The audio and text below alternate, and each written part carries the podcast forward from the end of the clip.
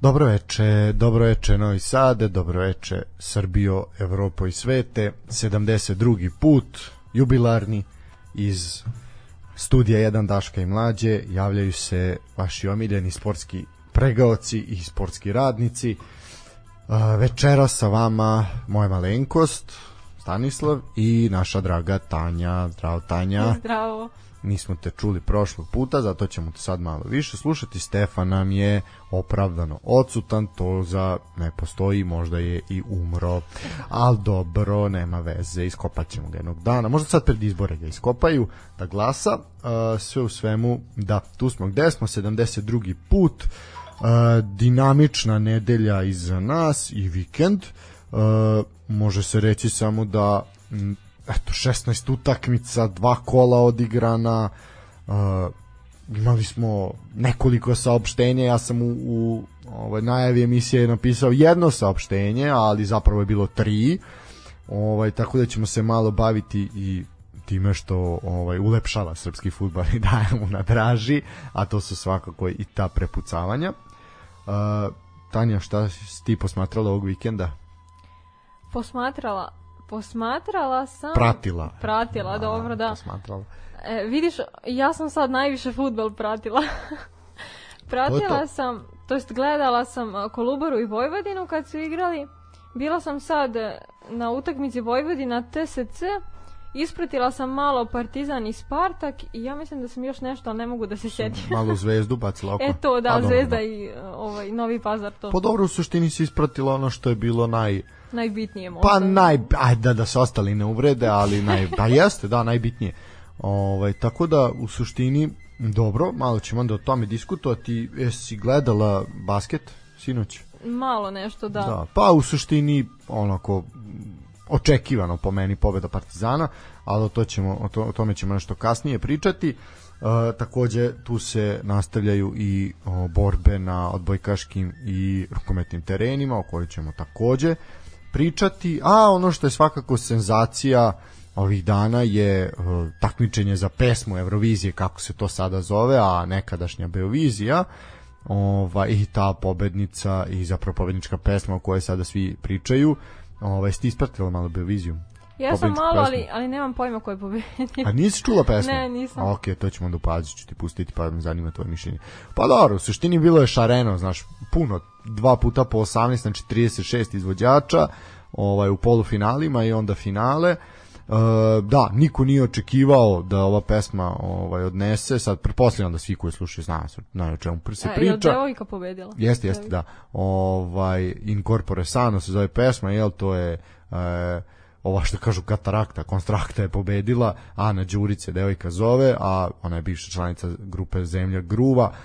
Naš, mislim, jutro su Daško mlađe komentarisali, mogu reći da sam odgledao svaki minuti oba polufinala i finale, što sad u suštini koliko je pohvalno ili nije pohvalno, ali ono video sam svašta od tog jezivog RTS-a i njihovog programa koji je bio toliko ono da vidi kao da ti je sodu neku sipo u oči ovaj do izvođača kojih je bilo i korektnih i bilo neki pesama koje će se sigurno pevušiti, bilo je neki pesama koje će se vrteti po noćnim klubovima, a ova je to onako ostavlja neki najupečatljiviji utisak ova pobednička. Eto, dobro, u suštini to je to. Još nešto zanimljivo preko vikenda se desilo. Ja sam bio na putu, nisam bio prisutan u gradu, tako da to ćeš mi ti reći, je bilo nečeg zanimljivog? Ničeg. Ništa što bi trebalo da se spominje. Ništa što bi trebalo da se spominje. Dobro, lepo. A, dobro, ništa. Ovaj, ajmo onda polako, polako pričati i krenuti sa pričom, jer 16 utakmica, od toga se jedna igra dok mi pričamo, a u pitanju je duel uh, upravo radničkog iz Niša i spomenute Kolubare, koji eto u počeli su drugo poluvreme i onako zaista eto ti kriminalni kriminalni termini Arena Sport se nastavlja, nastavlja se taj teror, eto sad prvi put smo imali da je neko od uh, trenera ovaj rekao, izašao i rekao, mislim nije prvi put, ali prvi put ima neku težinu zato što je to izašao i rekao Nenad Lalatović, ovaj koji eto ima onako taj neki oreol čovjeka bez dlake na jeziku i koji će svašta reći i mislim pored svakih gluposti koje je izjavio ovih dana ovaj ovo je ovo još onako i najviše ima smisla.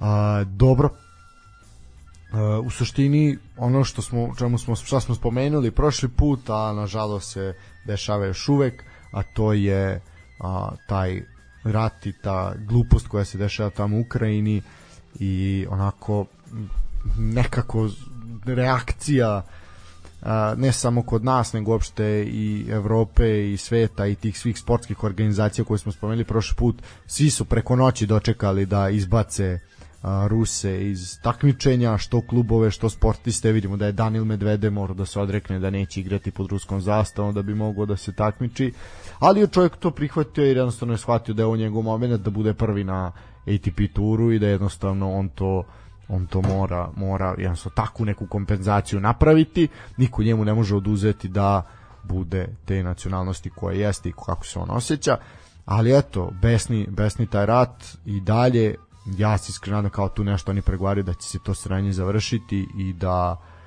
ćemo početi da konačno da se vratimo u neku normalu uh, tužno je, tužno je sve to i onako ne znam ni šta bih rekao pritom nam se pripremaju izbori kod nas i to i tekako utiče na sport što onako ko malo dalje gleda ovaj može da primeti, a opet neko povezuje to i sa onim s nečim što ne bi trebalo da se povezuje, ali to je sve ovaj naša igra i naša posla. Ovaj tako da imaš ti neki komentar na to sranje što se dešava tamo u Ukrajini?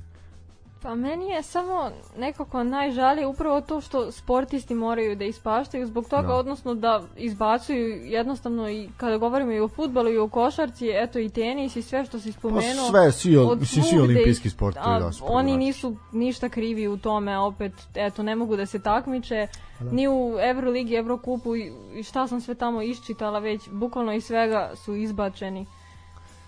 Pa da. To mi je samo krivo, sad mislim, rad kao rad. S jedne, s jedne strane, ovaj, to je dobro, dobro nama, jer mi sad podižemo se na tim nekim lestvicama, eto Zvezda će ući u top 8, Partizan ima veće šanse za finale da, Evrokupa. Da. Znaš kao sad, jednostavno kad dok jednom ne smrkne, drugom ne svane. Da, to... nama to ide u korist, ali opet nije fair prema njima sa jedne strane. Naravno da nije, ovaj, i to to je jednostavno tako. Mislim, neko je čak spomenuo kao da nije u redu zašto se onda i ukrajinski sportisti ne izbace. Da.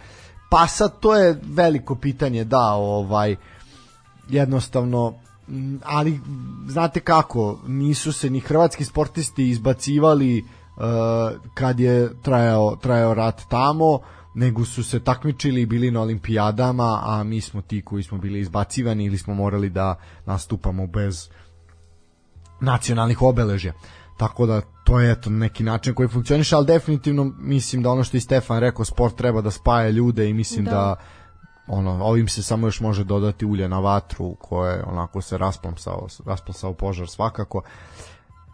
No dobro, sad znaš kao mi pored sveg tog sranja i svega toga sad mi kao treba nešto da pričamo o nekom futbalu i nečemu, ovaj, a mislim s jedne strane da li je ikome do toga, jer evo vidiš šta se dešava i kod nas, da su neverovatni redovi na pumpama bili da, ovog vikenda, da, da. mislim što je sasvim suludo i tako jedno, e, ne mogu da verujem da se narod toliko, mislim mogu da poverujem da se toliko plaši, ali ne mogu da verujem da toliko ono se u niskom startu da će istog sekunda poleteti, da neće stati pa razmisliti, je stani, imali smisla to što i zašto se nešto radi, pa imamo te nestašice brašna i graška, mislim, a to najkrvavije od svega je taj grašak, ono, ko kupuje toliki grašak? Zašto, zašto u krizi razmišljamo da ide natovarim se graškom, ono, kaj brašno mogu da razumem, čak i WC papir donekle, ali jebe mu zar ono kao grašak od svih stvari na ovoj planeti grašak, razumeš? Mislim, nema ništa protiv, ali daj jebote, ono, mislim, je moguće mi nacija graška, razumeš, da ono samo se grašak jede.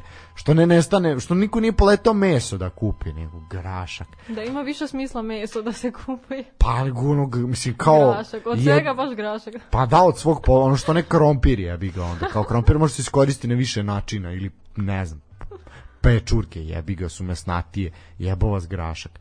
Al dobro. Tako da, naš, svem tom nekom haosu koje se tu priča, više od jedan put se više ne priča o koroni, da, to više... hvala Bogu, to uvek tako ide. Uvek ima nešto što će da se pojavi, to će da zameni ono staro. Pa da, ono, to, to je ako si pročitala Orvelovu 1984, jesi čitala? Jesam. Da, onda znaš, to je to. Znači, preko noći smo u ratu sa jednima, bukvalno za smenu da. on promeni da smo sad u ratu. I kao da ovaj prethodni rat nikad nije postavljen napad smo saveznici. E tako i ovo, jednostavno, a, ministarstvo propagande radi, radi svoj posao. A, sve u svemu da, kao, postavlja se pitanje, ja sam, dok smo dolazili ovamo, razmišljao, kao jebote, no, zašto bi ja sad pričao o ne znam, duelu Novog pazara i Radničkog iz Kragujevca ili Spartaka i Partizana, kao naš, pa kao ajde da s jedne strane damo ljudima nešto drugo što se nije ono što se servira danima. Prije slušam da. Daška i mlađu svaku jutro, oni sad iz danima se priča samo o Ukrajini. Ajde damo da pričamo o nečem drugom, onda ajde malo. Ja ne kažem da mi sad treba da potpuno zaboravimo šta se tamo dešava i da prekrijemo oči i uši. Ne treba, ali aj malo da oladimo mozak na makar dva sata da, koliko da se traje. malo skrenu misli sa toga. Pa da, znaš, mora malo pritisak da popusti, inače ćemo otići svi ono što je Darko rekao, ti ćeš imati gomilu ovde psihički problematičnih ljudi, ako već nemaš. Uh, tako da, eto, to je, to je odgovor na pitanje zašto, zato da bi ipak malo pričali o nečemu lepom ili makar donekle lepom, koliko to naš futbal i generalno sport može biti, a i da bi malo skrenuli, skrenuli pažnju na eto neke aktivnosti svakodnevnog i dešavanja svakodnevnog života. Dobro, uh, u suštini ajmo polako početi. Ovaj uvod je bio zanimljiv. Možemo odmah bez pesme, a? Može. Može, može. Uh, izvučeni su parovi četvrtfinala kupa, to ćemo prvo spomenuti. Uh, u suštini Partizan je dobio najlakšeg protivnika, dobio je prvoligaša Loznicu, što opet ne znači nužno neko opuštanje, ali definitivno je lakše nego ovo ostali, ostali što su dobili. Uh, Rad je, eto kao još jedan prvoligaš do, uh, dobio Vojvodinu i dočekaće Vojvodinu na svom stadionu na Banjici. E sad Vojvodina je zaista onako u jednom uh, pa u problematičnoj jednoj seriji i ako bit će jedno teško gostovanje za Vojvodinu. Uh, eto, Novi Pazar ima šansu da do zaista najvećeg uspeha u istoriji kluba dođe uh, tako što će se plasirati u polufinale protiv Metalca kojem takođe ne cvetaju ruže a Crvena zvezda će na svom stadionu dočekati a, TSC iz Bačke tu, Topole. Svi a, dueli ove runde takmičenja igraće se verovatno u prvoj nedelji aprila, s tim da i ovde dalje važi, znači ukoliko nema pobednika nakon 90 minuta, odmah se šutiraju penali. Eto, to je neki komentar na ovaj žreb. Pa nemam ja komentar na ovo. Pa u suštini to je to, ono, svako je dobio ono kog treba da dobije, prilike. E, pa ne znam to već. pa nema šta, Partizan i Zvezda se neće mučiti, a ovi onako su svi u katastrofalnoj formi, tako da... Da, Vojvodinu sam videla na delu. Pa da. TSC isto. Pa da, mislim čak i Novi Pazar i Metalac, ono pričat ćemo sad i o njima, to se jako, jako se muče u ovom nekom periodu nastavka takmičenja. E sad upravo možemo prvi meč 25. kola koji je bio na programu bio je u snežnom Novom pazaru uh, Novi Pazaranički Kragujevac bilo je 1-0 za radnički uh, eto ekipa Nenada Lalatovića beleži nova tri boda Nikola Kovačević čovjek koji je doneo zaista dragocenu pobedu Kragujevčanima uh, mislim sećaju ga se nosio je a, dres Novog pazara, a to nije bilo tako davno. E sad, što se utakmice tiče, a, dešavale su se tu neke stvari, onako bilo je nekog zakuvavanja i nacionali... Mislim, jasno je da, da je bilo zakuvavanja zato što je Novi, Novom pazaru je isto bilo jako bitno za opstanak i tu su radnički bukvalno igra ovaj uh, radnički igra isto mala finala jer igra sa svim ekipama koje se bore za opstanak isto tako i Novi Pazar svaki bod je bitan da se beži sa tog dna i prošlog put smo pričali o toj bukvalno mini ligi između Pazara radničkog i Metalca uh, radnički eto uspeo da odnese tri boda pogodkom Kovačića u 69. minutu uh, bilo je bilo je tu zaista incidenata, divljanja publike, skandiranja pogrednih stvari, uh, bacanja stolice, gađanja igrača, tuče na uh, tuče na terenu, ali onako zaista bilo bi dobro da sada neki nadležni organi pardon reaguju. ali eto, konstatovat ćemo ono što je za osnova svega ovoga, a to je da je treći put ove sezone radnički vezao dve pobede u prvenstvu i ova mini serija mu znatno povećava šanse za opstanak. S druge strane, pozarci nakon ovog poraza su sve bliže nižem rangu takmičenja i definitivno po meni su prvi favoriti za ispadanje, jer onako, s obzirom, iako su doveli ta neka pojačanja, to zaista ne liči ni na šta i ne mogu da se ne mogu da se povežu, niti se vidi neko rešenje kako bi oni mogli da pronađu ovaj način da ostanu u ligi.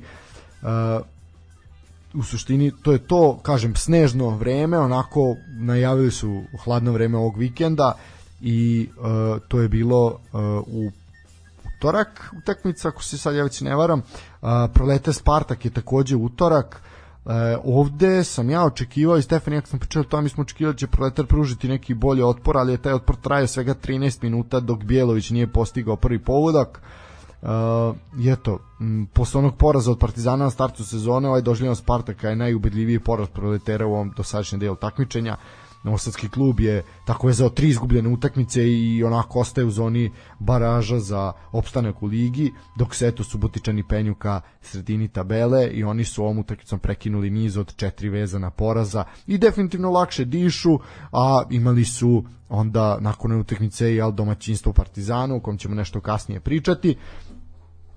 Eto, ovo je Sparta koja je najubedljivija pobeda ove sezone, a Bijelović u 13. Lazar Tufekđić u 33. i Todorovski u 90. minutu je stavio tačku na kraju ove rečenice.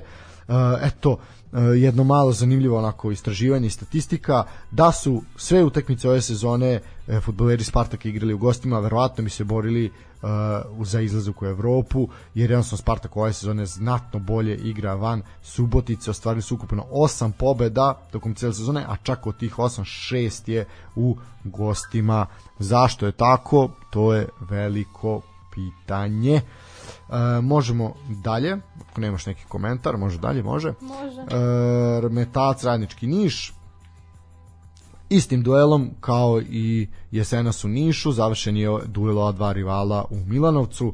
Metalac je poveo pogodkom Čađenovića ali već krajem prvog polovremena radnički uspeo da poravna rezultat preko sve boljeg Japanca Michibuchija koji se zaista nalazi u lepoj formi. E, Metalac je propustio priliku da se malo odlepi od timova koji se nalaze u zoni direktnog ispadanja, dok su Nišlije zadržale korak za četvrto plasirano Vojvodinom, koja je dalje taj korak skratila jer je kiksala ovaj protiv Kolubare, ali to ćemo pričati nešto kasnije. Uh, TSC Radnik 0-0, drugi vezani Remi TSC sedmi u sezoni, prvi bez golova na svom terenu, eto prvi put da nisu uspeli da postignu pogodak, Radnik je potvrdio odličnu formu, nema poraz u drugom delu sezone uz podatak da nije primio ni jedan jedini gol ovog proleća. Ekipa iz Bačke Topole ostaje u zoni play-offa, dok su Surduličani tu oko crte. Izvesno je da će se boriti za plasman u gornji dom tabele, a ukoliko nastave sa ovakvim rezultatima. Uh, eto, zaista, eto, poslednji, poslednji gol su primili eto, na pripremu u Turskoj, a jedini su tim u Superligi koji nije primio gol u drugom delu sezone.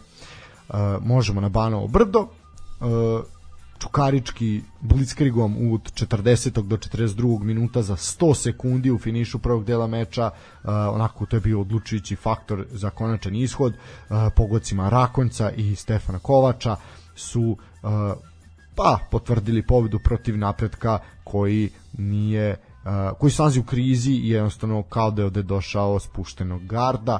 To je uh, treća vezana pobeda kojim su se to uh, momci u, belo-crnim dresovima učvrstili na treće mesto tabele, napredak je u zaista velikoj krizi, nema pobedu u prolećnom delu prvenstva, osvojio je samo dva boda u četiri odigrane kola uz dva postignuta gola. Čolović, Stefan Čolović je potvrdio pobedu u 62. minutu. I onda dolazimo do utakmice koju si i ti pratila, pa ćemo ići na kratku pauzicu. Kolubara Vojvodina. Ja moram priznati da ja nisam gledao utakmicu, jer sam u tom momentu bio već uveliko na autoputu, ovaj putovao dole za uh, jugozapad Srbije. U suštini jedan, pa moram priznati, šokantan rezultat. nisam očekivao da Kolubara ovde ne uzme bod, nego sva tri. Uh, da li će neke potrese izazvati ovaj poraz u Novosadskom klubu, s obzirom da je to druga uzastopna utakmica koju Novosađani gube minimalnim rezultatom, prvo na svom terenu radnika, a sada od Kolubare. Uh, momci iz Kolubare su zaista potvrdili na jednu odličnu formu i njima je ovo treća pobjeda u četiri prolesna kola, pa su sada samo na četiri boda za ostatka, upravo u odnosu na Vojvodinu koja je četvrta na tabeli, a samim tim su sada i radničkom iz Niša olakšali posao da lakše prestigne Vojvodinu. Uh, možda je zaista moglo i verovatno bi bilo dosta drugačije da, da je Vojvodina realizovala penal u finišu prvog polovremena, ali da stvar bude dodatno uh, lošija za Vojvodinu startog drugog dela meča isključen je Čović pa eto i su imali eto gotovo polovreme bez svog najboljeg igrača, a u narednoj utakmici protiv TSC bili su lišeni bez svakako najboljeg igrača ove sezone i neko ko je medijator i ko a, svakako povezuje igru Vojvodine na više više nivoa. A, dobro. Uh, izostao sam sam da kažem Bakić je bio strelac u osmom minutu meča po onako jednom zaista lošem terenu u Lazarevcu. Uh, Uh, ostalo nam još Crvena zvezda i Partizan u što se tiče prethodnog kola, ali ćemo mi ovaj otići na kratku pauzu jer sam potpuno ostao suvih usta. Dobro, može jedna pesma, može. može. Tanja, nemaš neki komentar, nemaš. Standardno, ajmo dalje.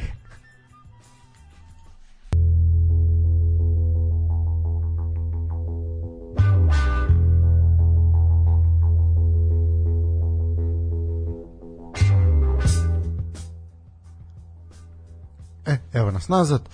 Uh, da, manji tehnički problemi. Šolak zavrće internet česmu. Ali dobro, ne damo se, snalazimo se. Ne mogu oni nas da zavrnu koliko mi možemo da se snađemo. E, dobro, stali smo kod uh, tržnog centra Voždovac. Znači, uh, Voždovac je na krovu tržnog centra dočekao mm, aktuelnog još uvek šampiona i pretendenta na titulu Crvenu zvezdu. I sigurna pobeda Crvene zvezde na krobu, mislim ništa manje se nije očekivalo, četa Aleksandra Linte je poprilično u problemu.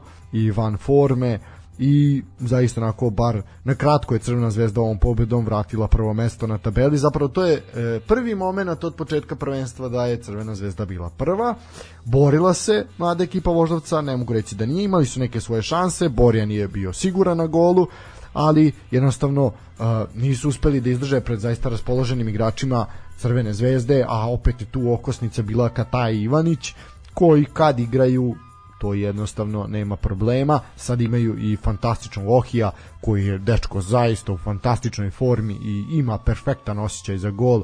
Mislim on je doktor za ovu našu ligu, to nije sporno uopšte.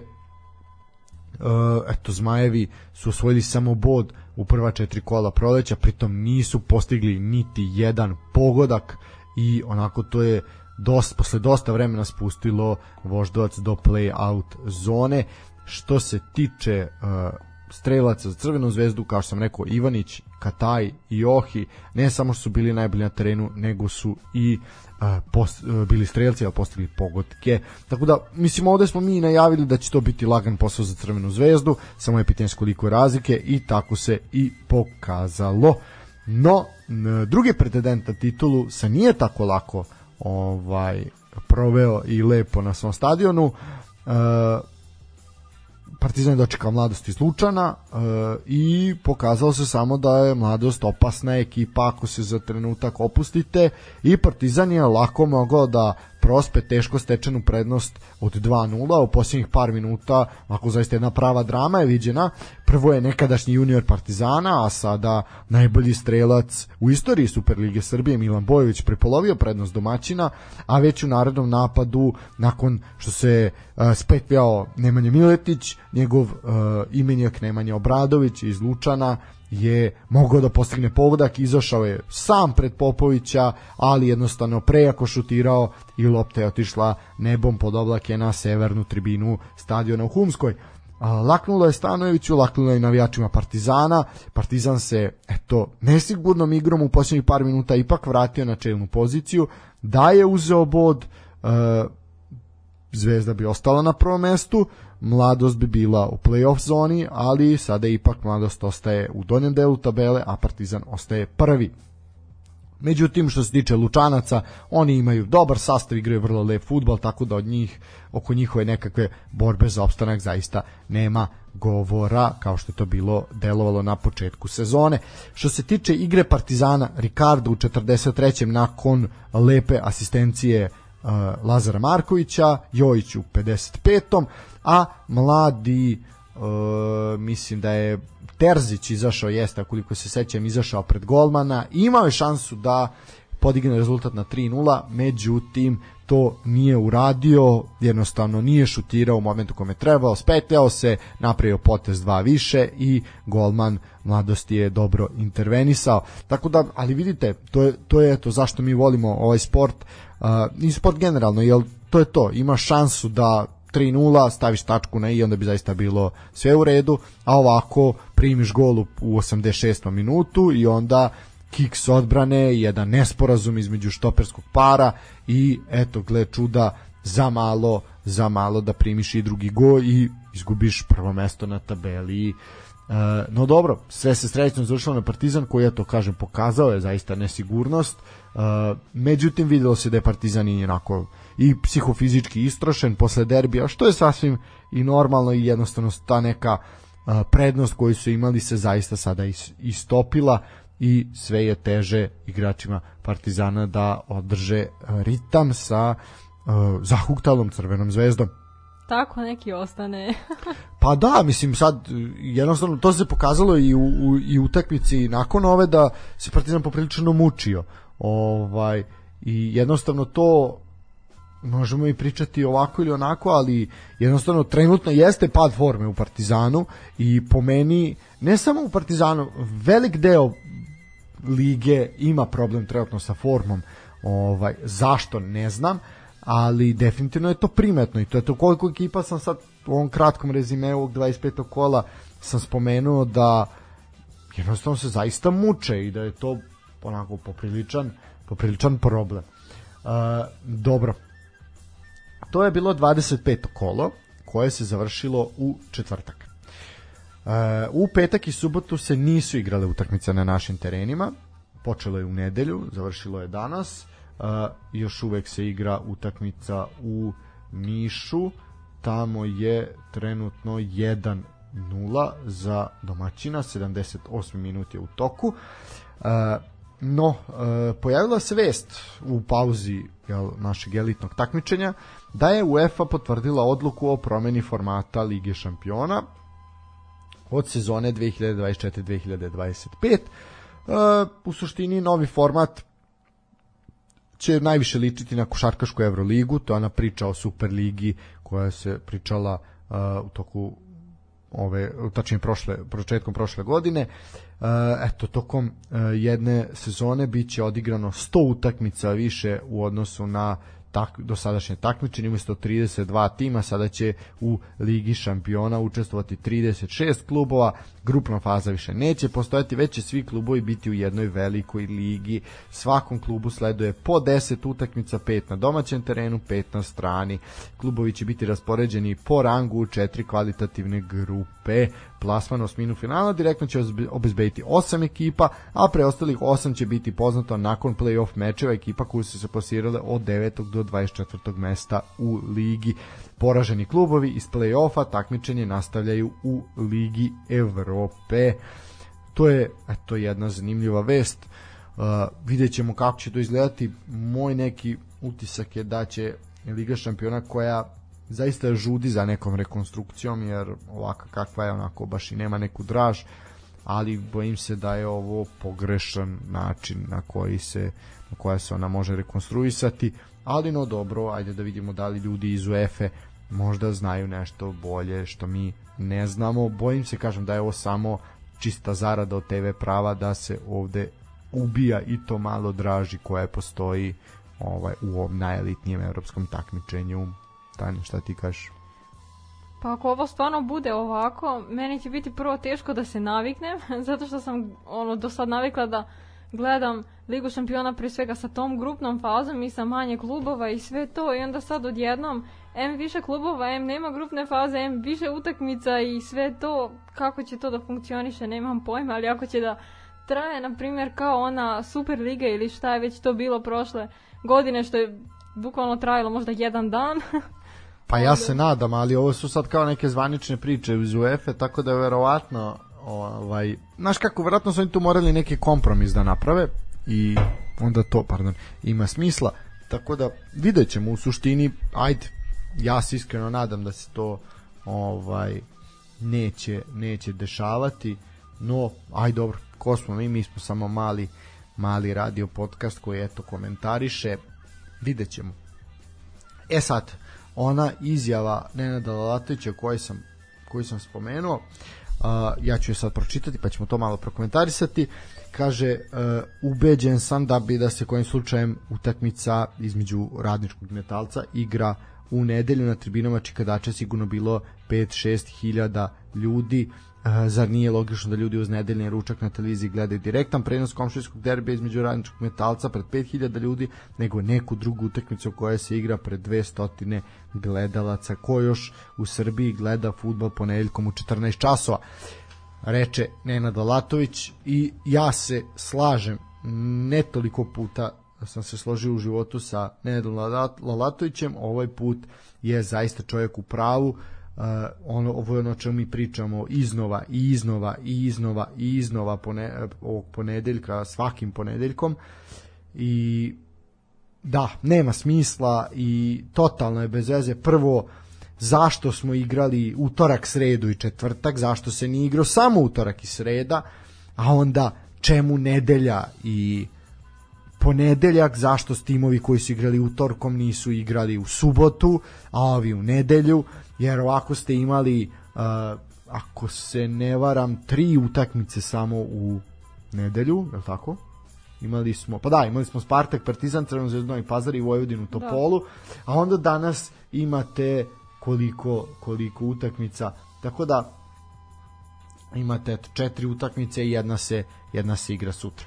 Ovaj, tako da, eto, zaista, ne, ne znam šta bih rekao, uh, jako ovo je loše i ovo sigurno ne radi na popularizaciji sporta.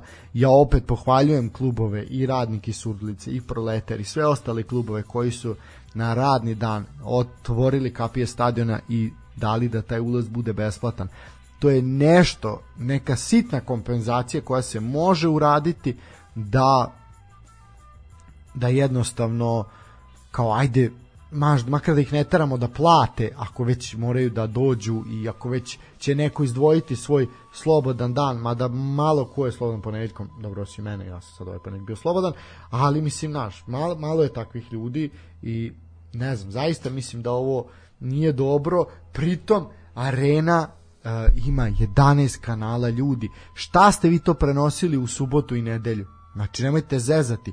Moglo je da se u ovom terminu u kom igraju moglo se uklopiti. Šta će biti naredne godine kada Englezi krenu na areni?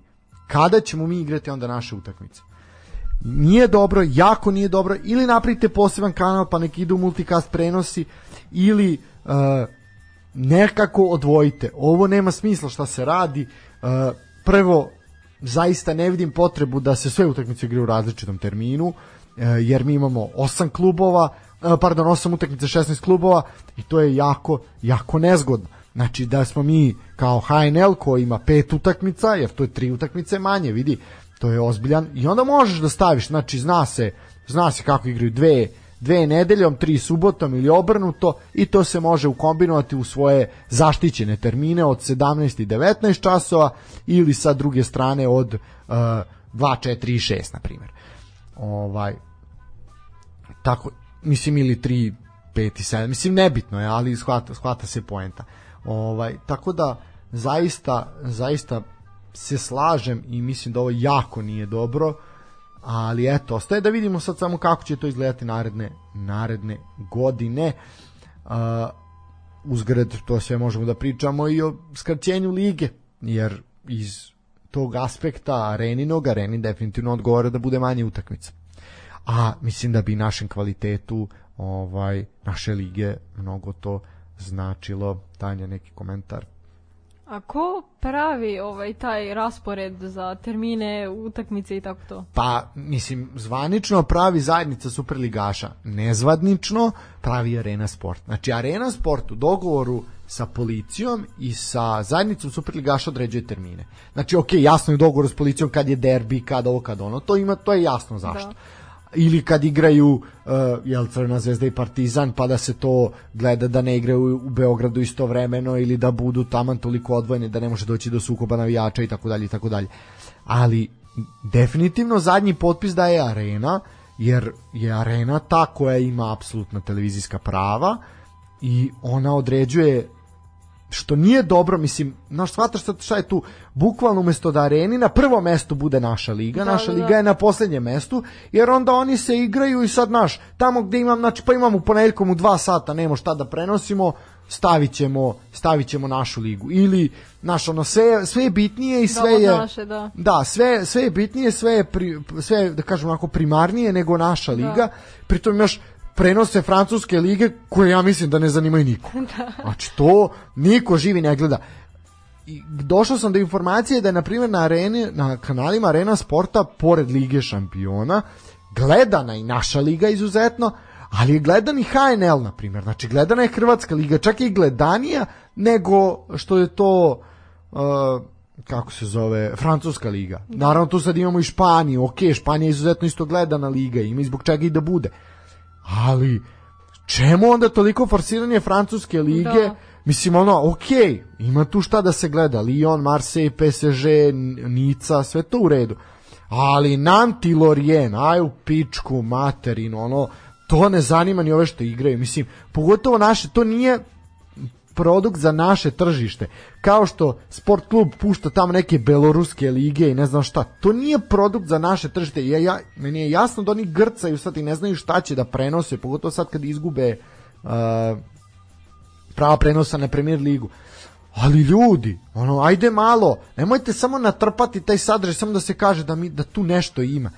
Ajde da se potrudimo da makar malo taj sadržaj uh, primaknemo narodu. Mislim, čak i te emisije koje Arena Sport ima, mislim, te emisije, ima jednu emisiju o našoj ligi, ta emisija je ok, znaš, to su neki izveštaj i malo sporne situacije, ali je to sve toliko ne znam, znaš, ono, toliko bez veze, to je toliko, drži, znaš koliko drži pažnju? Drži pažnju 10 minuta.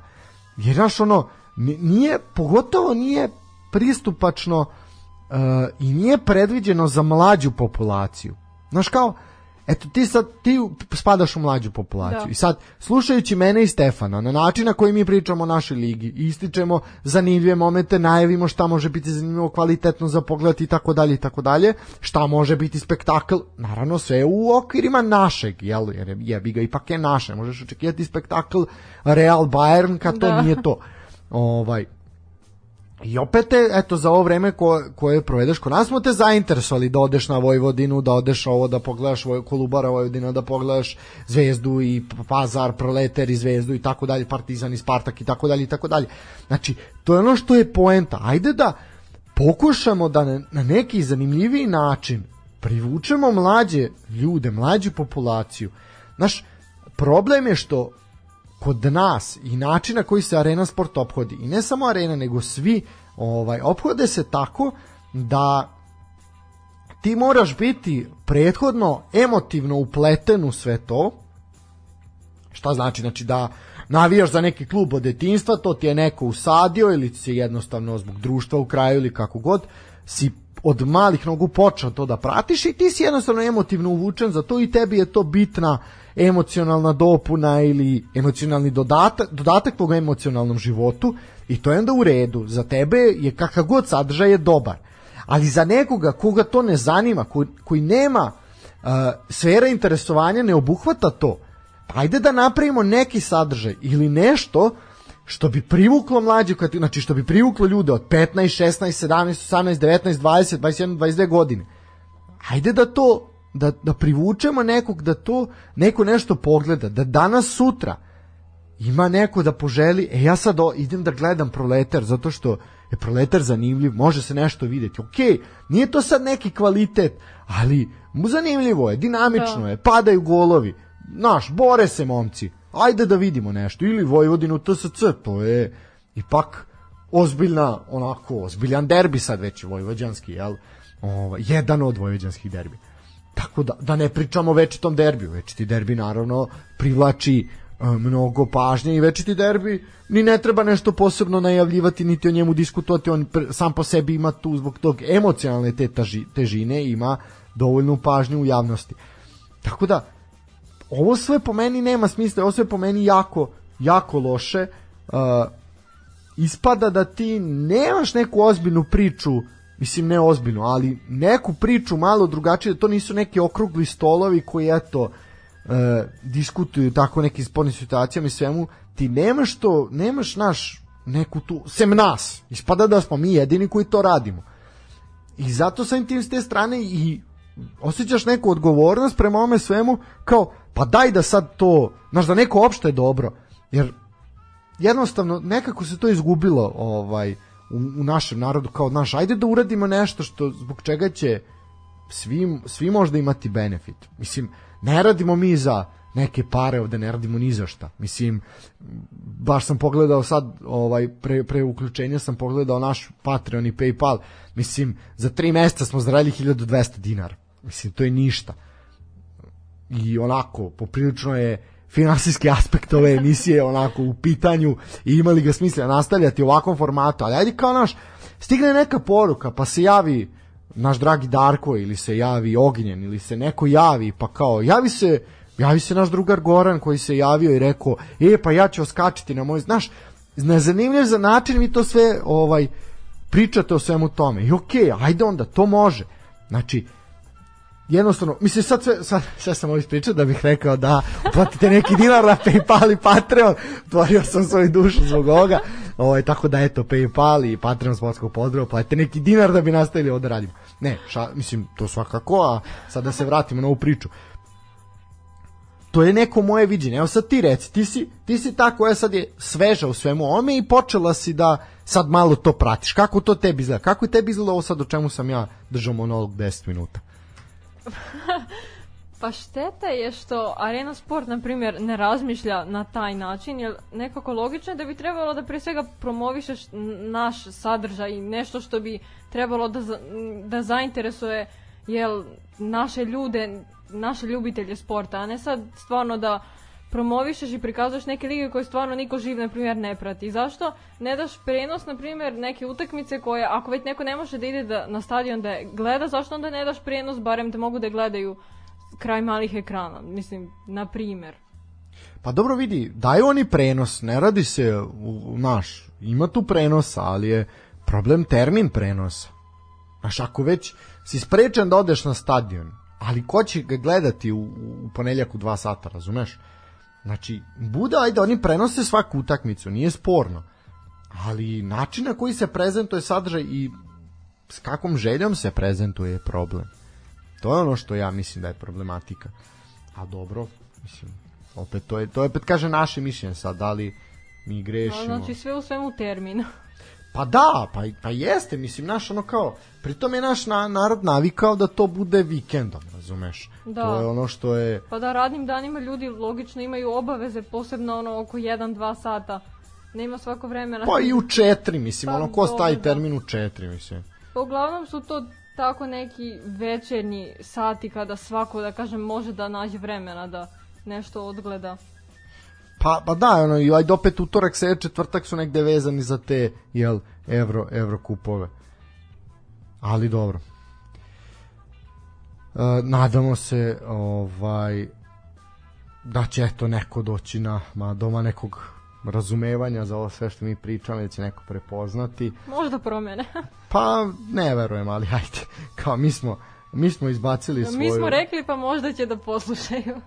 Pa dobro, znaš kao ovaj šta sad?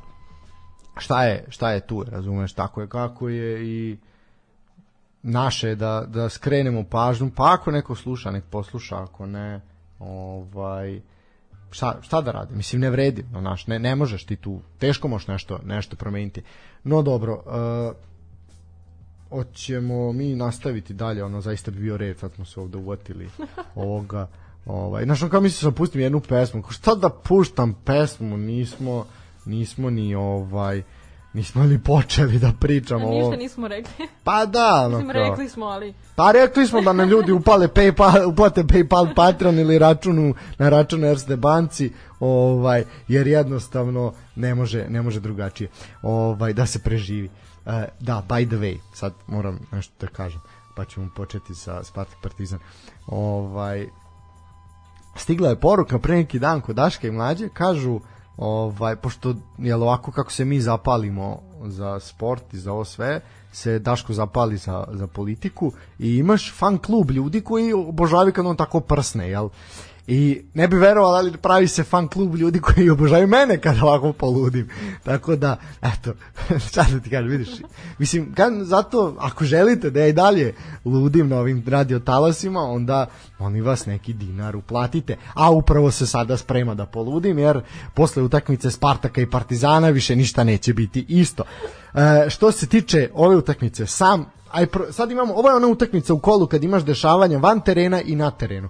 Uh, Spartak Partizan od 14 časa u nedelju je otvorila utakmica koja je otvorila 26. kolo. Uh, potpuno ravnopravna utakmica sa jednim golom i to sa kreča, a moglo je da bude i mnogo efikasnije. Spartak je bio dobar, nadahnut, jednostavno sa nastavili su u dobrom ritmu kako su završili u Novom, u Novom Sadu, malo ne reću u Novom Pazaru. Uh, onako, bili su motivisani, ali nisu imali dovoljno sreće da postignu pogodak. Partizan je bio poprilično skroman, bezidejan, rastrzan, ali je bio i miljenik sreće. Uh, utakmicu je odlučio diskutabilan penal, sviran posle skoro uh, dva minuta gledanja vara. Crnobeli su sačuvali prvo mesto na tabeli posle gova meča, Subotičani ostaju bez pobede na svom terenu još od 23. oktobra. E sad, sama utakmica manje više, ali ono o čemu treba pričati je uh, taj sporan, sporan moment. Uh, jednostavno uh, sa, kada se gledalo u prvom momentu, eto oboje smo gledali taj, taj da. meč. Znači, u prvom momentu je delovalo da je Lazar Lukić doneo čistu odluku, mislim, iz toga kako je Jović prošao po tom levom krilu i načina koji je pao i kad ga je Lazar Lukić gledao sa leđa, to je delovalo kao sasvim, sasvim čisto. Međutim, uh, javio se VAR, što nije se dešavalo često, E sad, da li je to neka naznaka da će taj VAR možda malo više u budućnosti se koristiti na ovakav način? Uh, dva minuta trajalo gledanje snimka, na kraju Lazar Lukić išao pokraj terena da pogleda ovaj snimak i videlo se da iz drugog ugla kamera koja stoji iza gola poprilično pokazuje neke druge stvari. Znači, on je igrač Spartaka, jeste startovao na Jovića, na njegovu stajnu nogu, e, sve to stoji, ušao je u kretnju, onako, može se opraviti. Sad pitanje intenziteta i jačine ovaj, tog starta, ali definitivno da osnova za sviranje kaznenog utarca postoji. E, da li je bio penal ili nije bio penal, mislim da mi nismo pozvani o tome da diskutujemo.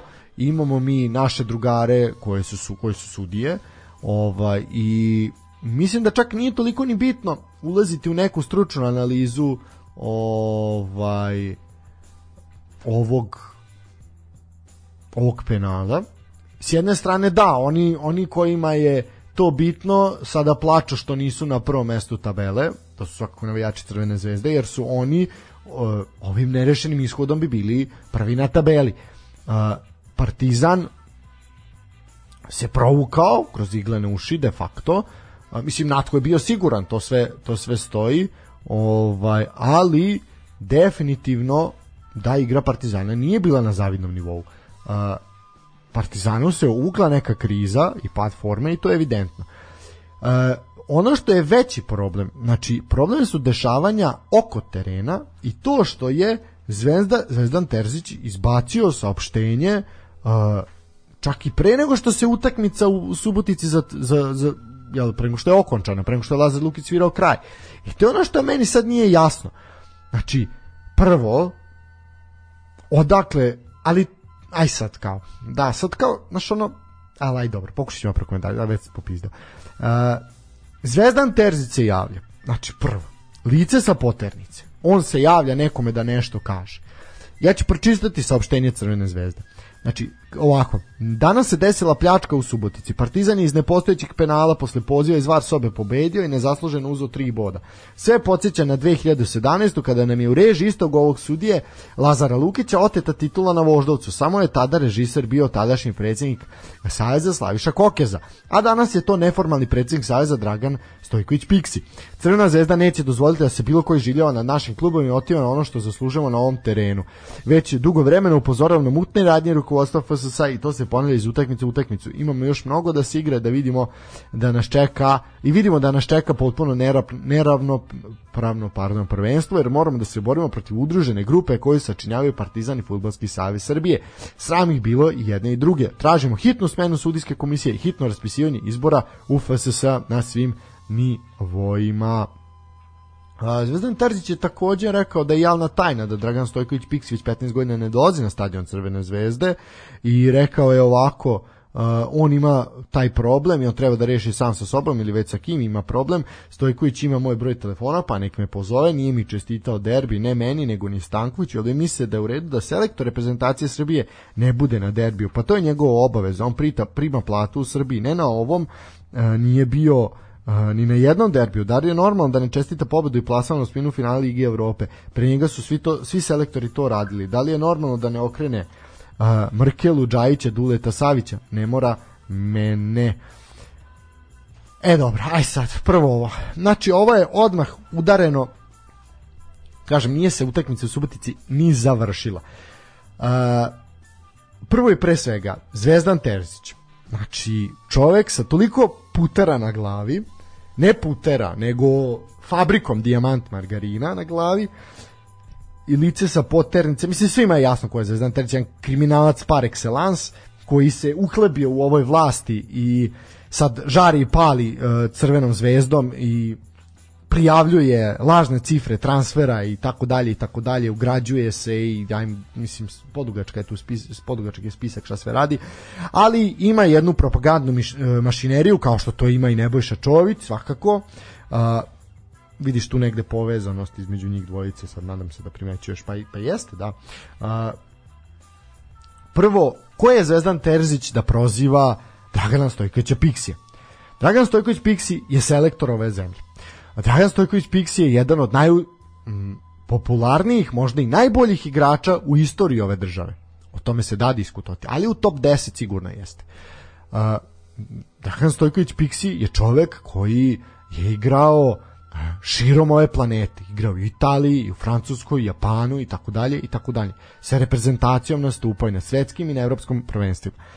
Zvezdan Terzić je bio osrednji odbrambeni igrač u Ofka Beogradu, koji i za vreme svog igračkog vahta je bio problematičan. E, Zvezdan Terzić je čovek koji je sahranio Ofka Beograd. Zvezdan Terzić je neuspeli predsednik Saveza koji, kojem je bilo suđeno zbog toga, zbog malverzacije za vreme dok je bio predsednik Saveza. Zvezdan Terzić je čovek koji se javno posvađao sa Draganom Stojkovićem Piksijem i oterao Piksija iz te njegove crvene zvezde i stavljati prvo, znači odakle ti pravo i odakle ti uopšte neka da kažem, ne znam koju bih reč iskoristio da ne budem da se shvati poenta, odakle, odakle ti pravo, aj recimo tako sam, odakle ti uopšte moralni kredibilitet da ti ukazuješ na to da je Dragan Stojković Piksi problem u ovoj državi. Dragan Stojković Piksi je trenutno selektor reprezentacije. On jeste obnašao funkciju predsednika Futbolskog sajza Srbije. Jeste. I zbog toga jednostavno bilo je, završilo se kako se završilo. Ali trenutno je selektor. I Dragan Stojković Piksi nema obavezu. Dragan Stojković Piksi ne mora da prisustuje na stadionu. To je njegova dobra volja. Dragan Stojković Piksi može da pošalje nekog od svojih izaslanika, članova stručnog štaba i tako dalje, tako dalje. On u kraj liniji može utakmicu da gleda od kuće. Znači, to je jedna stvar. Druga stvar, Dragan Stojković Piksi ne mora tebi Zvezdane Terziću da čestita bilo šta. Znači, to što uh, jednostavno zašto nije ili jeste, siguran sam da Pixi ima svoje svoje razloge. Ja nisam ovde advokat Pixiju da se ne bude da se ne shvati pogrešno. Niti uh, ja nešto napadam Zvezdana Terzića, ja gledam ovo sa stanovišta eto nekoga ko prati ovo sve i koga ovo sve jako, jako nervira. Dragan Stojković Pixi je odveo reprezentaciju na svetsko prvenstvo. Dragan Stojković Pixi je podigao a, moral među narodom u državi da se ta reprezentacija ponovo prati. Znači, to je isto jako bitno. Jer vi ste imali odlazak naše reprezentacije prošli put na svetsko prvenstvo u Rusiji sa Muslinom, pa se to nije, nije bio toliki neki taj hype u narodu kao što je sada. Jer je ipak to Pixi. A Pixi je sinonim za dobar futbal. Pixi je neko ko je legenda u koju se ne dira. E pa Zvezdane Terziću, nemoj da diraš u tu legendu. Uh, dalje. Uh, odmah su se ovaj naravno oglasili uh, iz uh, fudbalskog kluba Partizan, odmah je Vazura Vazura reagovao ovaj i u suštini onako sam sam ovaj njegovo saopštenje, mislim saopštenje, to je saopštenje fudbalskog kluba Partizan, naravno je bilo onako neko smirivanje tenzija, sudija je donao odluku kako je donao, VAR je reagovao, u suštini ono odgovorili su, nisu ostavili da ovo blaćenje, a zaista jeste blaćenje i ovo je jedan ozbiljan ne može se reći, nije ovo, nije Zvezdan Terzić prekršio nikakav zakon, nije ovo krivično, nije ni prekršajno, ovo samo nije moralno i nije pristojno, nije džentlmenski raditi ovako nešto. E, pritom, zašto, mislim, ovo se radi samo da bi se još veći pritisak javnosti stavio na e, leđa Partizanu. Ovo je rađeno i 2017. godine. Ovo je radi se svake godine kada e, Crvena zvezda se bori za e, nije, hoću kaži, kad se bori za titulu, kad nije, svaki godin se bori za titulu, ali kada nisu prvi, znači kad tad titula ne osvaja u oktobru, u avgustu i tako dalje. Uh, do pre nekoliko dana smo slušali priče o najčistijoj sezoni u istoriji Superlige, ali već uh, danas sve podsjeća na redovno stanje, na militantnu atmosferu u srpskom futbolu, pogotovo kad su opet u pitanju večiti rivali. Znači, Ovi su se odmah oglasili posle duela Spartaka Partizana, uh, nije se dugo čekalo na odgovor ni Humske, ali tu nije stavljena tačka. Opet su se oglasili iz utice Bogdana, ponovo apostrofirajući tezu o tome da njihov večiti rival ima veliku pomoć Dragana Stojkovića Piksija. Znači, uh, opet su napali da bi u Partizanu trebalo da ćute, da je to pljačka, uh, oni pokušavaju pokvareno da odvuku pažnju sa sravnog penala, a, koji Crvenu zvezdu može da odvoji od osvajanja šampionske titule, zamena teza, bla bla bla bla bla. A, mislim, pričati da je Dragan Stojković Piksi, prvo, igračka legenda Crvene zvezde, peta zvezdina zvezda, u bilom kakvom savezu sa Partizanom je suludo. To je prva stvar. Druga stvar. Pričati da su futbalski savez udružen sa nekim klubom protiv drugog kluba je takođe nonsens. Ovo se isključivo radi da bi se Partizanu koji jeste u krizi dodatno opteretilo, dodatno vezalo kamenje za noge i bukagije da ne mogu da trče i ovako ne znaju šta će sa sobom. I ovo je, s jedne strane je to, s jedne strane je znači pritisak, a s druge strane jedno jako perfidno uh, davanje odstupnice sebi u slučaju neuspeha. Jer sada prvi put je realno očekivati da Crvena zvezda a, možda doživi neuspeh. Mi nismo imali prethodnih sezona koliko je Crvena zvezda šampion. Mi nismo imali da se ovako kuva do posljednje kola. Znači, ovde se realno do posljednjeg kola neće znati ko je prvak. Ili tačnije do tog derbija poslednjeg u play-offu. Znači, vi ste, kao što sam rekao, prethodnih nekoliko godina prvenstva su se završavala u avgustu, septembru, oktobru, novembru. Tu je već bilo jasno da ko je šampion. Prvi put sada imamo ovo nakon 2017. i sada opet kreće taj rat. Ovo je ono što su čelnici Crvene zvezde na čelu sa Zvezdanom Terzićem radili uh, u godinama kad je Partizan bio šampion. Znači, od kako su ušli kao uh, radna zajednica koju je tada prvi, prvi potpredsednik vlade Aleksandar Vučić uveo u klub. Znači, ovo je jedna ozbiljna propaganda koja neće doneti ništa dobro. Znači, umesto da pozivaju svoje navijače na još veću mobilizaciju, na još veću kupovinu karata. Pritom spomenut ćemo, karte protiv Rangersa su bezobrazno skupe. Bezobrazno skupe. 3.500 dinara košta karta za utakmicu sa Rangersom na bočnoj tribini, na istočnoj tribini. To je u svo dužno poštanje tom protivniku, taj protivnik je najtrofejniji klub u Evropi, taj protivnik zaslužuje respekt. To je utakmica koju bih ja išao da gledam. Ta utakmica bi mene koštala preko 50 eura. Da odem iz Novog Sada da to pogledam. Znači, to je zaista sramota. 3.500 dinara za osminu finala Lige Evrope je sramota. Vidjet ćemo, i opet, što je najcrnje od svega, opet će se karte deliti besplatno preko koje kakvih uh, državnih preduzeća, prijatelja kluba, kupovinom goriva na pumpi, Karneksa i tako dalje. Jer zaista ne vidim načina koji će se ovo, ovo rasprodati, jer je zaista u momentima kad ti je narod u krizi, kad se kupuje brašno, grašak, gorivo se toči, cena goriva skače, ovaj, će skočiti, euro luduje, ponovo ti stavljaš kartu 3.500 dinara. Žao mi je, ali to je previše. No, vratimo se da. Imaš ti neki komentar na sve ovo, na ovo pa cirkus ponovo koji se pravi? Jer ovo je realno pravljanje cirkusa. Pa imam da mogu da iznesem reci, svoje reci mišljenje. slobodno. Neće trajati 15 minuta kao tvoje.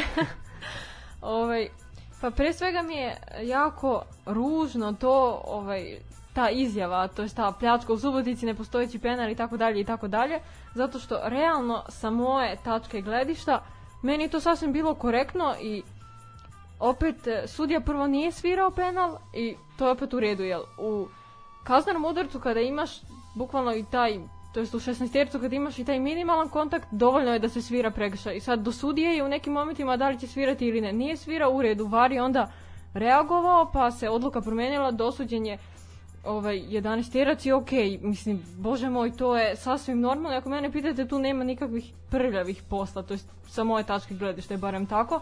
Tako da ja tu ne bih mislim, ovakve stvari govorila i ne znam, nema tu nikakve krađe i gluposti. Meni barem se tako čini, tako da je sasvim u redu, a uvek će biti naravno neko ko će da kaže da da to nije bilo tako, da nije fair, pogotovo eto sad Zvezda i Partizan, onda logično da će jel Crvena zvezda, mislim fanovi Crvene zvezde većinom da budu ti koji će da govore da da je bilo krađe, da je bilo nekog dogovora sa sudijem ili šta već ne znam nija.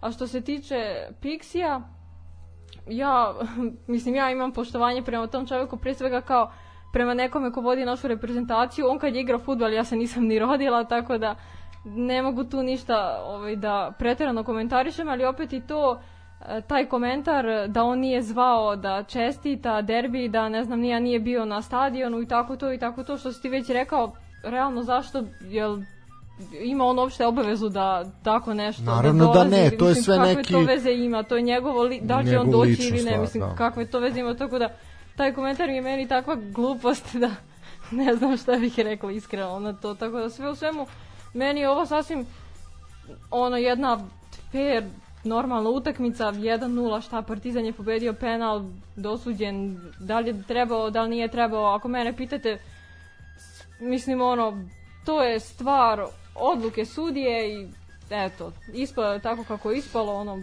šta da radim. Možda mi je malo krivo, ali opet sa druge strane mislim da tu nije bilo ničega što bi se nazvalo prevarom ili tako nešto.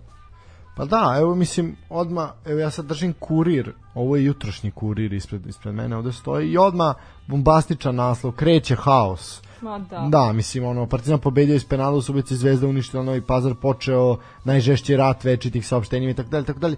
Znači, ovo, on je bukvalno zapalio fitilj.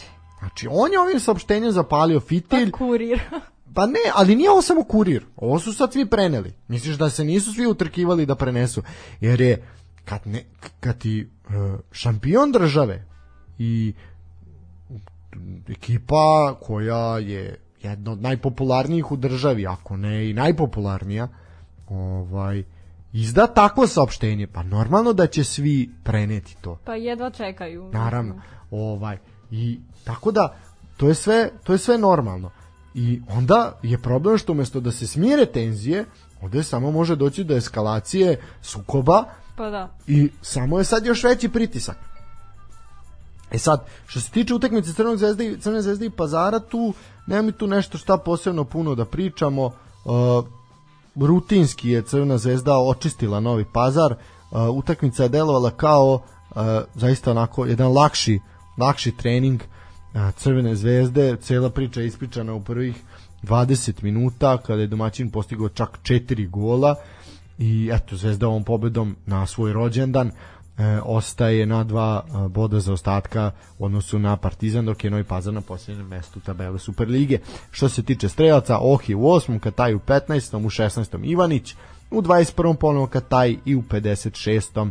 ponovo Kataj het trikom stavlja tačku na Zvezdin u proslavu rođendana 5-0 Uh, nije šta, Crvena zvezda rutinski, mi smo prošli put smo Stefan i ja pričali, Crvena zvezda ima zaista i lakši raspored do kraja u odnosu na Partizan. Partizan uh, i Zvezda naravno u četvrtak igraju svoje utakmice u Evropi.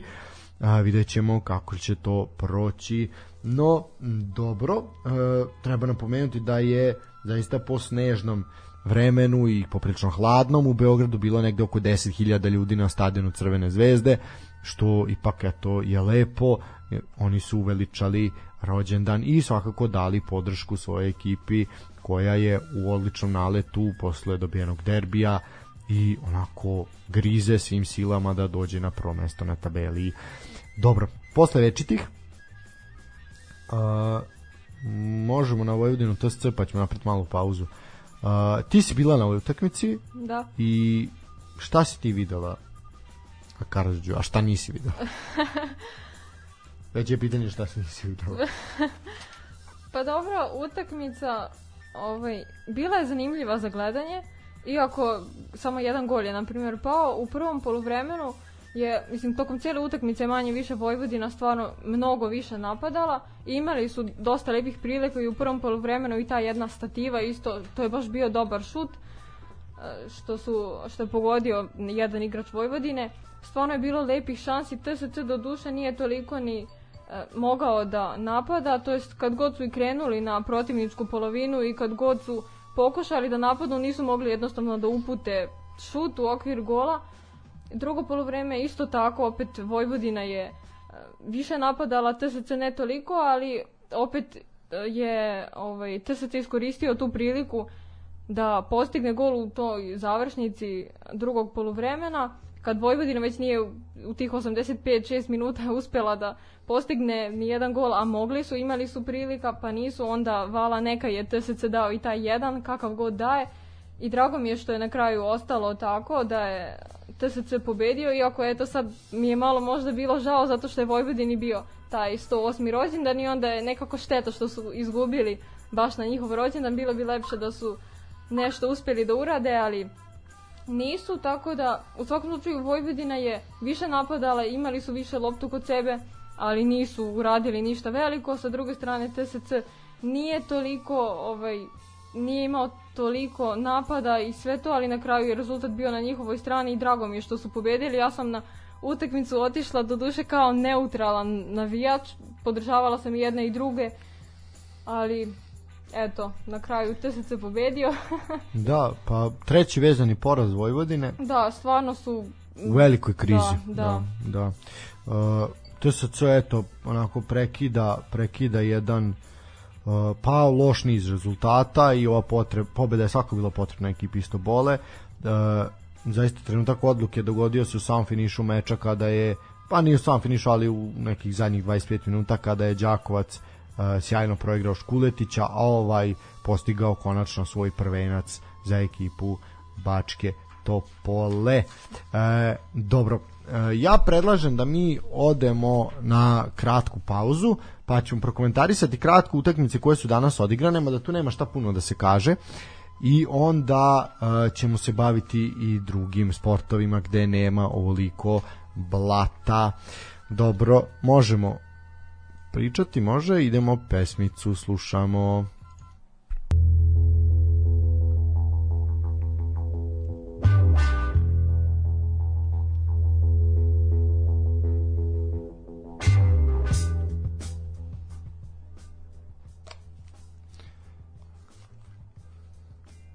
E, evo nas nazad.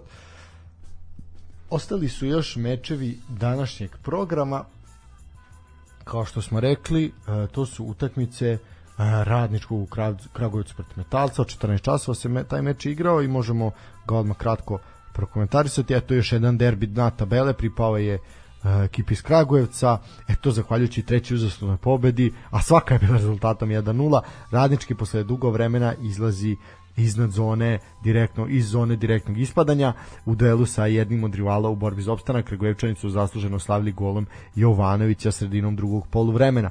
Po jako teškom terenu za igru Metalce nije najbolje adaptirao i snašao pa je nakon ove runde na predposlednje mesto u tabele Superlige Srbije. Borbena utakmica sa puno trke i duela, ali bez neke lopte u igri koja se zaista u ovim snežnim usima nije očekivala, ipak je eto pripala Lalatovićem timu koji sada znatno lakše diše. Strejac je bio Saša Jovanović u 61. minutu, a eto e, em što je ponedeljak, em što je termin od 14 časova, a pritom je bilo i nekih 5 do 10 cm snega na samom terenu koji su to vredni ljudi iz Kragujevca očistili da bi uslovi za igru bili kakvi takvi ovaj da makar nešto može da se da se odigra ali zaista to nije ličilo ni na šta. E, dobro idemo dalje. E, napredak proleter e, tu je bilo 1-1 Uh, odličan meč, uh, zaista uh, otvorena, dinamična, neizvesna utakmica, dva odlična tima, dosta šansi pred oba gola, uh, okončan je možda i najrealnim rezultatom, 1-1, a za pobedu mogu da žale jedni i drugi, Proletar je vodio do 76. minuta, ali onda bio ovaj, i na ivici poraza, u dva navrata intervenisali su iz var sobe, prvi put kada je dosuđen penal za napredak, a onda kada je poništen gol domaćih u zaustanom vremenu zbog offside-a, u celini bio ovaj duel koji zaista zaslužio visoku ocenu, pogotovo kada se uzme stanje, u obzir stanje terena i vremena u kom se igralo, tako da zaista bravo za oba tima za ovakvu jednu lepu i kvalitetnu futbolsku predstavu i opet ostaje žal za tim što se ovo igralo u ponedeljak, a ne za vikend kada bi tribine stadiona u Kruševcu bile verovatno popunjenije, ne verovatno nego gotovo sigurno. Treća utakmica dana, Radnik Čukarički 0-0. Uh, šta drugo očekivati od radnika koji zaista sebe su momci iz radnika proglasili kraljevima remija, Danas je radnik 12. put u sezoni odigrano nerešeno, a treći put rezultatom 0-0 u posljednja četiri kola. Čukarički je zaista imao zrelije šanse, bili su bliži pobedi, ali sa ovim bodom ostaju čvrsto na trećoj poziciji i kao što smo malo prepričali, eto, radnik ovaj opet nije primio pogodak, što je eto, zaista neverovatno. Uh, pet kola bez primjenog pogodka, svaka čast odbrani ekipe iz Surdulice. A što se tiče ovog meča koji se malo pre završio, e, radnički Niš Kolubara, e, pobeda za četvrto mesto. Golom Stefana Mitrovića ekipa radničkog iz Niša savladala je Kolubaru koja se nalazila u dobrom naletu kao što smo pričali i probila se na četvrto mesto tapele. Bio ovo prvi triumf Nišlija posle tri uzastopna remija i prvi na svom stadionu posle tri i po meseca. Kolubara je nastavila da igra po principu toplo-hladno, mada i pored poraza ostaju tu oko crte razdvajanja play-off i play-out uh, zone. Pogodak je postignut u 19. minutu radnički je zaista bio bolji i konkretniji. To je što se tiče današnjeg programa. Uh, jedna utakmica će se igrati sutra od 16 časova u Lučanima. Mladost očekuje Voždovac. To će zaista biti katastrofalni uslovi za igru. Ja pretpostavljam da će ovde mladost uh, uzeti sva tri boda. uh, e sad, idemo na tabelu.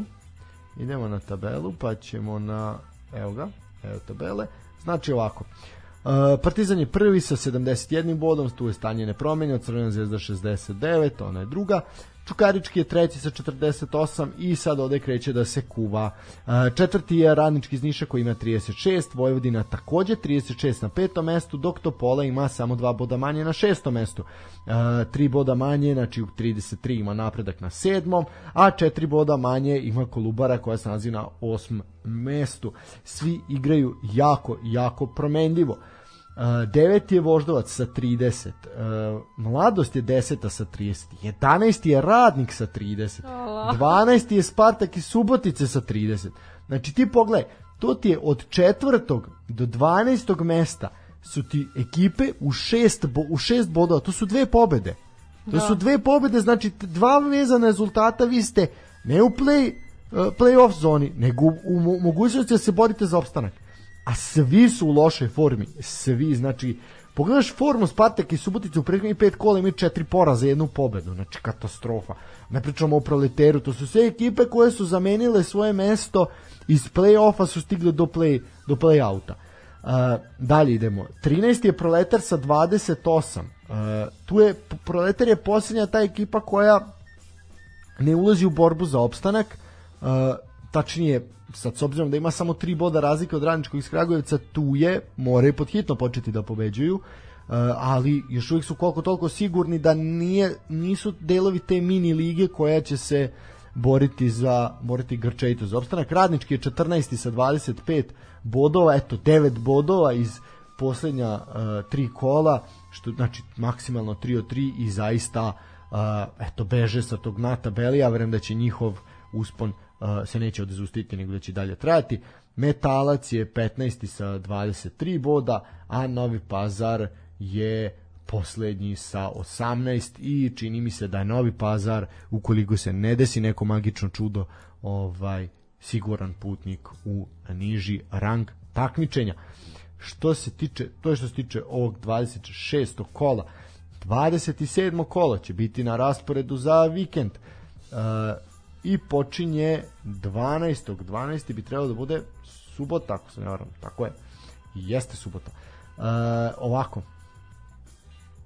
u 14.30 prolete radnik u Novom Sadu. Uh, ha, da vidimo da li će radnik primiti gol konačno posle u šestom kolu. Ja mislim da neće i da će ovde radnik uzeti bodove, tako da ako neko sluša i upisuje tiket, slobodno stavite x2 na Surduličane. E, Radnički Niš Vojvodina. Vojvodina ide u Niš e, kod bivšeg igrača i trenera Bataka. E, pa, ha, ha, s obzirom da se Radnički nalazi u dobroj formi, Vojvodina ne tako dobre, možemo očekivati da Radnički ovde otme neke bodove Vojvodini.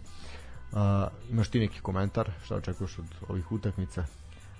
Pa sudeći po nome kako igra Vojvodina, odnosno šta sam videla, delim da. isto mišljenje sa tobom, rekla bih. Da. A Proletar, radniku ćeš možda ići to da pogledaš s obzirom da Proletar igra u Novom Sadu. Pa zašto da ne? Da, A pa- čekaj, je li to subota? To je subota, jeste, jeste. jeste. A, verovatno neće biti ovde rođendan mi je. Da. A, da, ja sam zaboravio 12. treći, tako je. Našoj tajni će biti rođen. A, dobro, onda, onda je opravdano odsutno. E, Čukarički TSC, ovo će biti zanimljiv meč. Čukarički TSC subota od 19 časova. Ovo će biti zaista zanimljivo za gledanje ovde onako ko bude na Banovom brdu i negde u okolini zaista treba da ode da pogleda. Ovo može biti jako zanimljivo ovde može biti jako puno golova znači 3 plus a verovatno je pobeda Čukaričkog. U nedelju od 13 časova uh, Kolubara Radnički Kragujevac.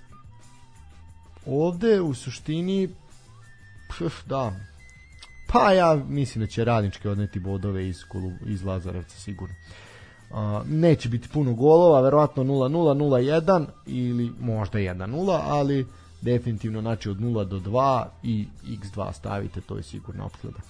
Uh, 14.30 Partizan napredak, uh, sve osim pobede Partizana je ozbiljan problem uh, i mislim da će svim silama morati da udare na napredak. E sad Partizan u četvrtak ima utakmicu Lige Evrope protiv Feynorta. Uh, Metalac, Crvena zvezda to je nedelja 17 časova u Gornjem Milanovcu Metalac, Kriza, borba za opstanak Crna zvezda, ga, Mezi eh, bože Melje i Gazi ovaj i mislim da će ovde pobediti sa onako visokom razlikom. Tvoj neki komentar na duele večitih rivala. Pa nemam pojma, pobedit će sigurno. misliš da, pa da, misliš da napredak ne može da uzme bodove Partizan? Napredak? Pa nemam pojma. Meni bi odgovaralo da uzme. pa dobro, okej, okay. i to je nešto. E, od 19 časova u nedelju e, Voždovac Spartak, tu, puh, da, jako teško za prognozu, pa ajde Spartak možda može uzeti neki bodić. I kolo se verovala ili ne završava u ponedeljak u 15 časova utakmicom između Novog pazara i mladosti iz Lučana eto opet će Novi Pazar biti uskraćen za neku veću podršku publike uh, to je što se tiče 27. kola ali pre 27. kola se u četvrtak uh, igraju utakmice u Europa ligi i ligi konferencija uh, Crvena zvezda a, dočekuje tačnije Crvena zvezda ide u goste Rangersu. A, šta ti očekuješ od ovoga kao navijač Crvene zvezde? Šta misliš da zvezda može protiv Rangersa? Pa Rangersi su jako dobar tim a sad zvezda pa mislim da mogu mogu da ovaj pruže lepu igru zašto da ne? Nekako dok sam ih gledala u toj Ligi Evrope nekako kao da se mnogo više trude i bolje igraju nego u ovoj domaćoj našoj pa ligi. Pa dobro, mislim što nije tako da sporno, jel? Zašto da ne očekujem nešto dobro sa jedne strane? Pa vidi, ovaj mislim da Zvezda ako odigra onako kao što je igrala u derbiju prvo poluvreme i onako kako što ti kaš igrala u Ligi Evrope, Može da Rangersu, pa da. zašto da ne, da ostane makar ne poražen. Da, bar to. A što ne i nešto više. Uh, u svakom slučaju Rangers je ekipa koja se nalazi onako u nekoj krizi i imaju tog Morelosa koji je zaista fantastičan napadač i imaju i dobar vezni red onako bit će tu muška jedna utakmica onako bit će tu dosta tuče i dosta trčanja ali zašto da ne ono nije nije bauki ne treba se izaći uplašeno da. ovaj nego zaista se treba boriti pa šta bude Uh, dobro, a Partizan će u četvrtak od 18.45 u Beogradu dočekati holandski Feyenoord. Uh, pa u suštini uh, na, danas je Vibra Snatko pozvao navijače Partizana da dođu i da pruže podršku ne samo protiv Feynorda, nego i u domaćem prvenstvu i ja ću pozvati navijača Partizana isto kao, ću, kao što bih pozvao i navijača Crvene zvezde što ću to uraditi narednog ponedeljka ovaj, da zaista dođu i da uživaju u jednom lepom evropskom duelu, jednoj lepoj evropskoj utakmici uh, koliko će Partizan zapinjati ovde protiv Feynorda je veliko pitanje s obzirom u kakvoj se trenutnoj situaciji nalazi. Uh, neka ovo bude meč za uživanje, neki igraju rasterećeno, neki igraju lepo, neki igraju napadački, to je neka moja želja, a vidjet ćemo da li će se Stanović onda sad, da li će ga koštati ta bitka na tri fronta, ovaj, da li će zbog toga izgubiti titulu ili će ipak reći, ma ajde da uh, ovde malo odmorimo pa da budemo sigurni da ovaj protiv napretka odmorniji, protiv surdulice. E, ono što može biti kamen spoticanja za Partizan u ovoj trci za titulu je svakako taj meč nakon e, gostovanja u Holandiji gde se putuju surdulicu, tu, tu očekujte očekujte patnju i tu ako negde može biti kiksa, može biti tu. Pogotovo što eto radnik nije primio gol još uvek. E, eto, to je u suštini neka najava e, nek svako slučaj jedni i drugi izađu hrabro jer zaista mnogo može da se dobije i od jednih i od drugih i zašto ne bi porastao još više taj koeficijent zašto mi ne bismo skočili na toj nekoj lestvici pa ovaj napravili zašto da ne nešto nešto dobro za naš fudbal Uh, dosta o futbalu, sat i po vremena smo pričali o njemu, duše mnogo utakmice, mnogo stvari smo ispričali. Uh, napravit ćemo kratku pauzu, znači bukvalno će minut i po biti pesma, i onda idemo na Tanja šta, odbojku, košarku, šta imamo? Nemam pojma, na ne. sve jedno. pa dobro, mislim, idemo na manje, idemo na uslovno rečeno manje sportove, ništa, ajmo jednu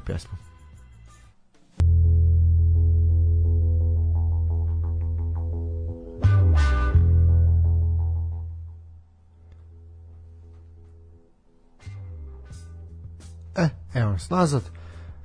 Jako kratka pauza je bila i sada prelazimo na basket. Tanja, kako si ti videla večiti derbi? Razočarah se. Ukratko rečeno. A dobro. Ovaj, dobro, šta, kako si, mislim, ono što svakako niko nije očekivao to je da će heroj biti Aleksa Avramović, to mislim da zaista niko živi nije očekivao, eto, Partizanov Zoro sa onom maskom je sa 33 poena, ovaj, zaista jedna fantastična Razne partija, zaista čovjek razno, pritom imao je 8 od 10 za 3, što je fantastično. I zaista, zaista čovjek nosio, nosio Partizan. Uh, mislim, ja sam negde i ono što smo pričali i sve, uh, nekako m, očekivao sam da Partizan dobije ovaj derbi, jer uh, pogotovo nakon onakvog uh, poraza u kupu koji je bio totalno bez ideje, može se čak i poniženje, ponižavajući, ovaj moralo je doći do reakcije jer Pruželjko Bradović je takav čovek uh, i takvu ekipu trenira da jednostavno mora doći do do reakcije ekipe jer ako ne dođe onda nešto zaista nije u redu ali eto raduje svakako što, za navijače Partizana raduje što je uh, došlo došlo do te reakcije. Uh, to je manje više to što se bar ovaj mene kako sam ja to ja to video ovaj uh, tu taj košarkaški derbi. Uh, onako opet naravno uzavrela atmosfera uh, tu vidim da je Radonjić je onako poprilično bio na meti kao i naravno i gospođa Čović što pa nije više ništa ni novo to na te stvari smo već podavno navikli uh, tako, imaš ti još neki komentar na derbi, nešto? Pa nema, mislim, iskreno ja sam očekivala da će Zvezda da pobedi, jer u prošlom susretu sa Partizanom, na primjer, Zvezda je pobedila i to su isto ubedljivo, ja mislim, ako se dobro sećam, baš su... Da. I tako da, sad su odigrali lošije, izgubili su, ali kriva mi najviše što je 14 bodova bila razlika, da je bar nešto 14 poena, odnosno da je, da je bar manje da, da. nešto, a ne toliko, mnogo mi je to. A, ali sad koliko se ja nešto, ako se ne varam, u međusobnom tom nekom skoru, mislim da Zvezda i dalje ima prednost jedan koš, je tako?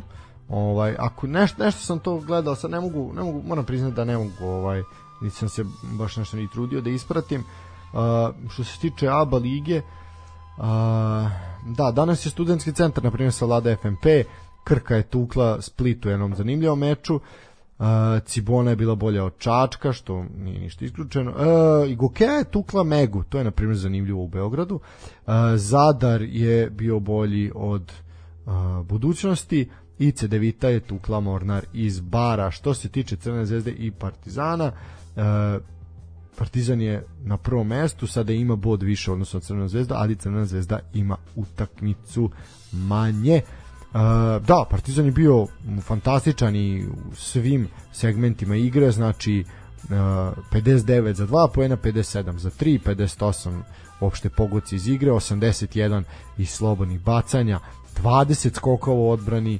6 skokova u napadu, tu je Zvezda bila bolja, ali onako Partizan čak imao i više izgubljenih lopti za dve više, ali jednostavno bio je bolji, bio je borbeniji i to ne može da se ospori na krilima Aleksa Avramić kaže sa 33 poena Kevin Pantar 22 Lesor 15 Mur 10 Zaklede i 9 Smajlagić 4 u Crnoj zvezdi je Davidovac bio najbolji sa 17 Hollins je takođe imao 17 Wolters imao 10 Dobrić je imao 8 Uh, svakako koliko je Partizan bio dominantan u ovom derbi odnosno na Crnu zvezdu pokazuje ono kucanje Lesora preko Kalinića jednostavno ono što je